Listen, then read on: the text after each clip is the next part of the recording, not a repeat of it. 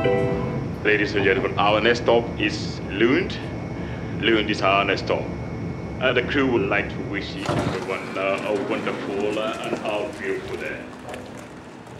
Vi som beslutsfattare, mänskliga beslutsfattare, är enögda, vi är närsynta och vi lider av ett mycket allvarligt brytningsfel.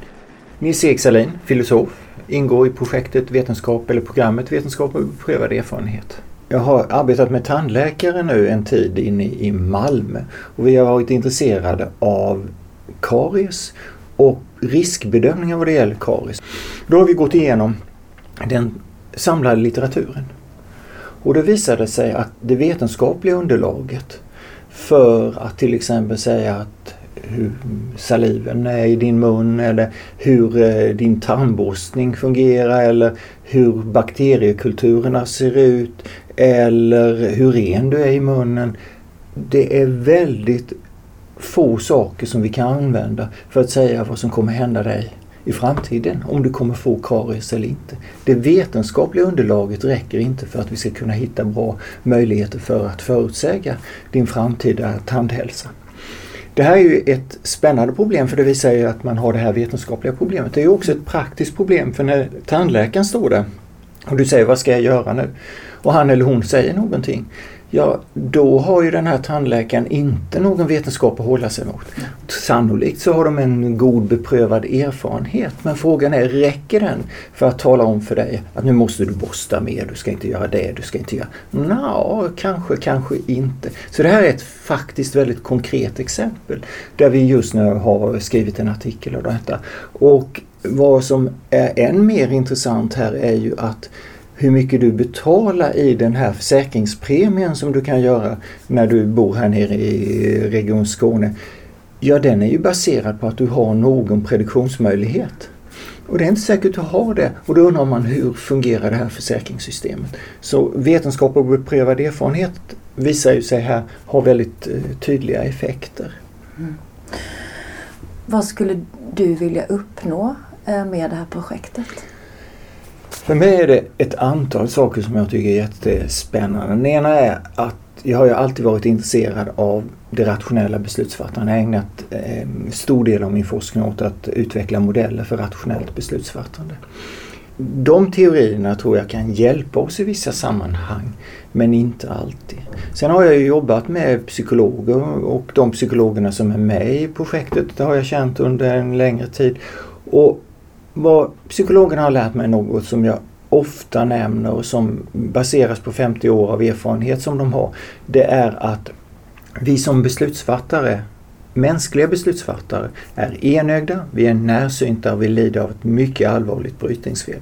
Vad som finns här i det är att vi gissar vanligtvis allt för enkla hypoteser. Om vi är tandläkare, läkare eller i skolans värld eller vad det än är.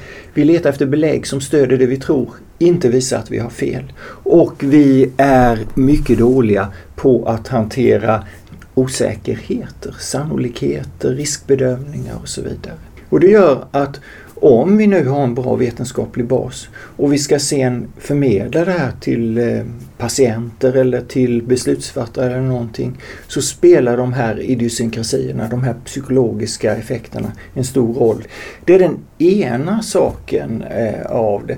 Det andra är att man också har lärt sig de senaste åren att vi blir sämre som beslutsfattare när vi åldras.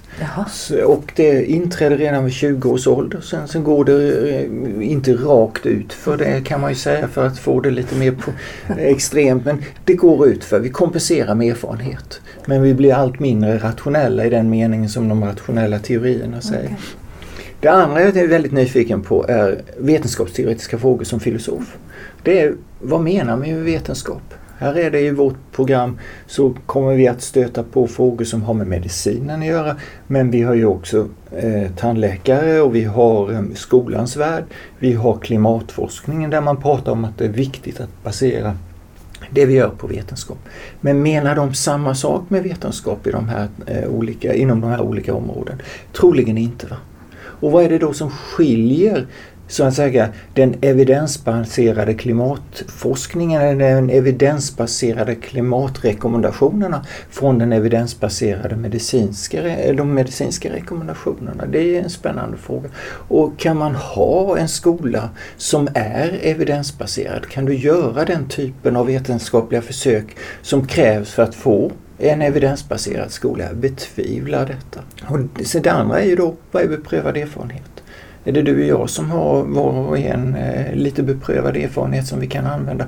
Eller finns det någon kollektiv beprövad erfarenhet? Vad skulle den vara? Som en kollega till mig som heter John Norton sa när vi höll på att skriva eh, programansökan var att Ja, vad händer om ni tar och har forskaren på ena sidan, den eh, med beprövad erfarenhet på andra sidan och så får de hålla på som de gör till tidens ände. Kommer de sitta där med samma kunskap? Det tycker jag är en jättespännande fråga och den ska vi ta tag i programmet också. Blir det någon skillnad mellan vetenskapsmannen och den gode husläkaren om man säger så, eller den med beprövad erfarenhet när de står där vid tidens slut? Jag tror att det blir det och jag tror jag vet varför men det tänker jag inte säga nu. Och nu har jag pratat i 15 minuter istället för 5.59. 10 10. 10 10.